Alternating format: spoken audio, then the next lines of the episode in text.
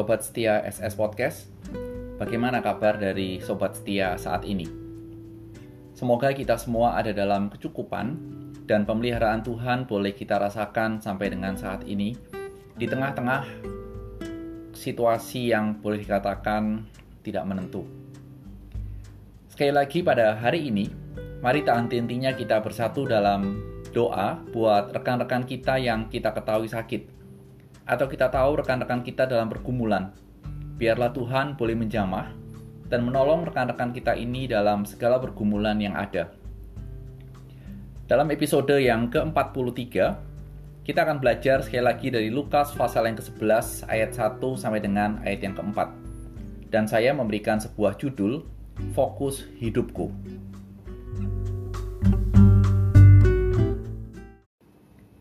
Pada suatu kali, Yesus sedang berdoa di salah satu tempat.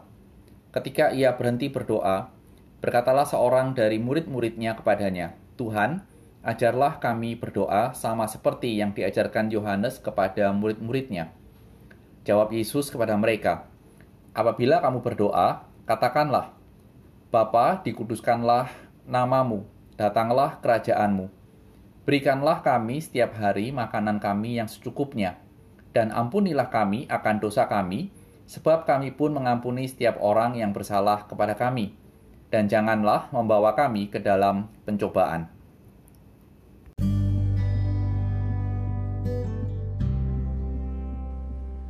Mari kita terlebih dahulu sekali lagi berdoa. Bapa kami di dalam surga, biarlah firman-Mu memperbaharui iman dan hidup kami dalam mengikut Tuhan. Demi Kristus, amin. Sobat setia, pernahkah kita menonton sequel dari film Marvel yang begitu trending beberapa waktu yang lalu? Ada film seperti Thor, Iron Man, Captain America, dan lain-lain. Seri Marvel yang terdiri dari banyak film membuat penonton menikmati sequel single ataupun rangkaian film-film yang ada. Pada pasal yang ke-11 yang kita baca, merupakan rangkaian sequel dari pasal sebelumnya yang menceritakan kisah tentang Maria dan Marta. Sebuah kisah yang salah satunya menekankan pentingnya memiliki relasi dengan Allah melalui firman Tuhan. Dan itulah yang saya tekankan menjadi harus seharusnya menjadi prioritas bagi hidup kita. Dengan latar belakang seperti itu, saya mengajak kita untuk melihat empat ayat pertama dalam pasal yang ke-11.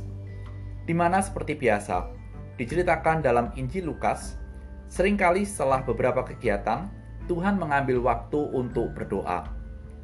Dan bukan hanya kali ini, tetapi hal ini sudah terjadi beberapa kali, dan Tuhan pun juga mengajarkan pentingnya doa dalam beberapa pengajaran sebelumnya. Dan sobat setia yang dikasih Tuhan, doa bagi orang Yahudi adalah suatu ritual ibadah, jadi bukan sekedar cuman kegiatan. Dan doa juga mengindikasikan relasi seseorang dengan Allah kalau kita lihat di dalam Perjanjian Lama, ada tokoh-tokoh yang berdoa seperti Daniel, Abraham, dan lain-lain. Sehingga dengan latar belakang dan cerita sebelumnya, bisa jadi murid-murid Tuhan Yesus sadar bahwa selain saat itu mendengarkan pengajaran dari Tuhan menjadi hal yang ditekankan dan sangat penting, doa juga menjadi sebuah kegiatan yang tidak boleh salah, yang tidak boleh keliru. Sehingga supaya benar, supaya tidak keliru berdoa, mereka meminta kepada Tuhan Yesus untuk mengajarkan mereka seperti guru-guru pada saat itu secara lasim mengajar murid-muridnya untuk berdoa.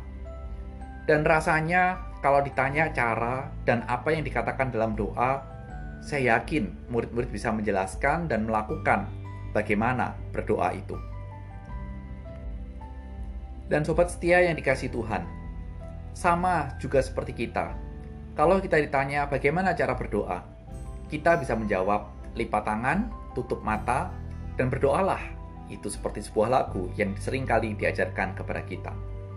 Namun bila dilanjutkan lagi, apa isi doa kita? Nah, ini menjadi sebuah hal yang tidak mudah. Karena mungkin kita jadi takut salah. Jangan-jangan isi doanya keliru. Jangan-jangan konsepnya salah. Dan lain sebagainya.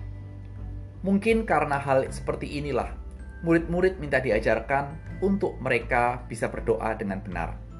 Dan doa yang benar seperti apa? Mungkin itu yang dirasa dan dipikirkan oleh murid-murid. Sehingga mari kita melihat apa sih yang diajarkan oleh Tuhan tentang doa. Kita menyebut doa yang diajarkan oleh Tuhan Yesus adalah doa Bapa kami. Itu tertulis juga di dalam Injil Matius. Namun di dalam Injil Lukas, doa yang diajarkan lebih pendek bila dibandingkan dengan doa yang dituliskan oleh Matius dalam Injilnya. Sehingga mari kita melihat mengapa Lukas menuliskan doa yang diajarkan lebih pendek daripada yang ditulis oleh Matius.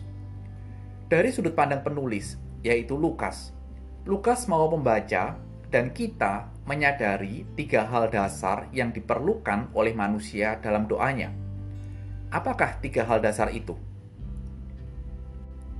Yang pertama adalah Lukas memulai dengan mengakui pengudusan nama Allah. Dengan mengakui pengudusan nama Allah atau menguduskan nama Allah, sama saja dengan mengakui siapa yang menjadi pemilik alam semesta. Dan kita melihat bahwa hal ini dikaitkan dengan datangnya kerajaan Allah. Sehingga kita mesti melihat bahwa seluruh ciptaan yang telah jatuh dalam dosa, tercemar oleh dosa akan dipulihkan ketika kerajaan Allah itu datang. Kapan?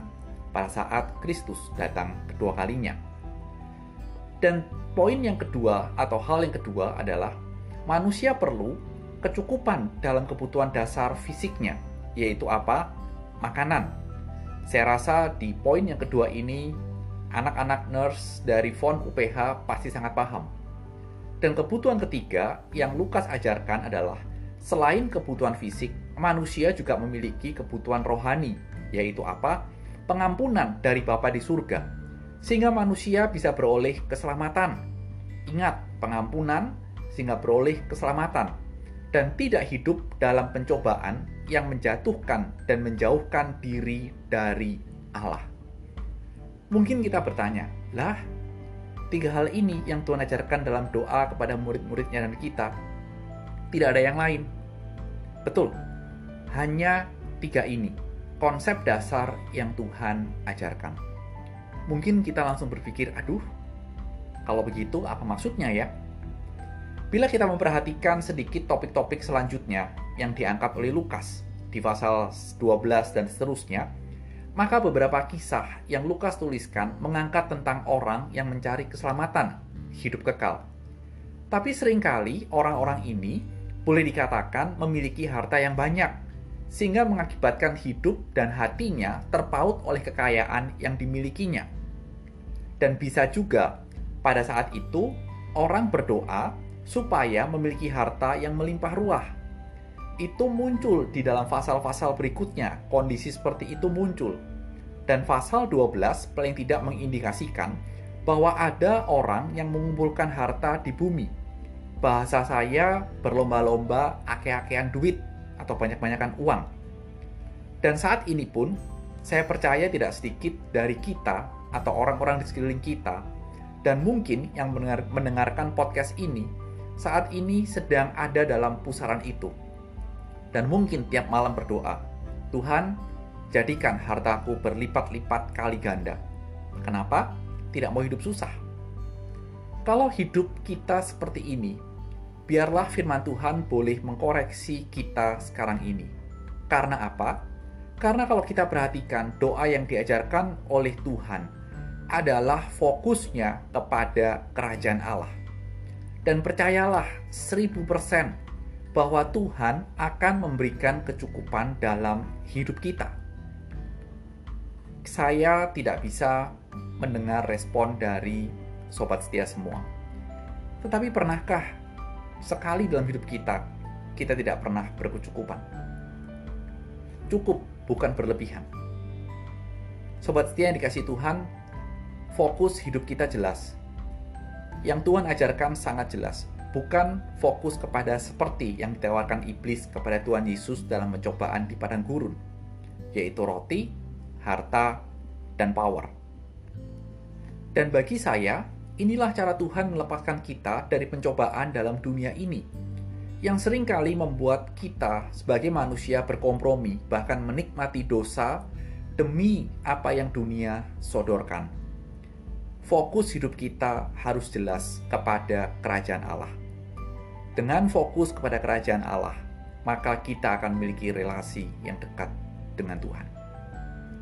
Sobat setia yang dikasih Tuhan, setelah kita merenungkan firman Tuhan melalui podcast ini, ambillah waktu untuk berefleksi sejenak. Mengingat kembali apa yang selama ini menjadi isi dari doa kita. Ingatlah bahwa yang menjadi isi doa kita adalah yang menjadi fokus hidup kita. Selamat berefleksi, dan kiranya Roh Kudus boleh menolong kita hidup fokus kepada kerajaan Allah. Amin.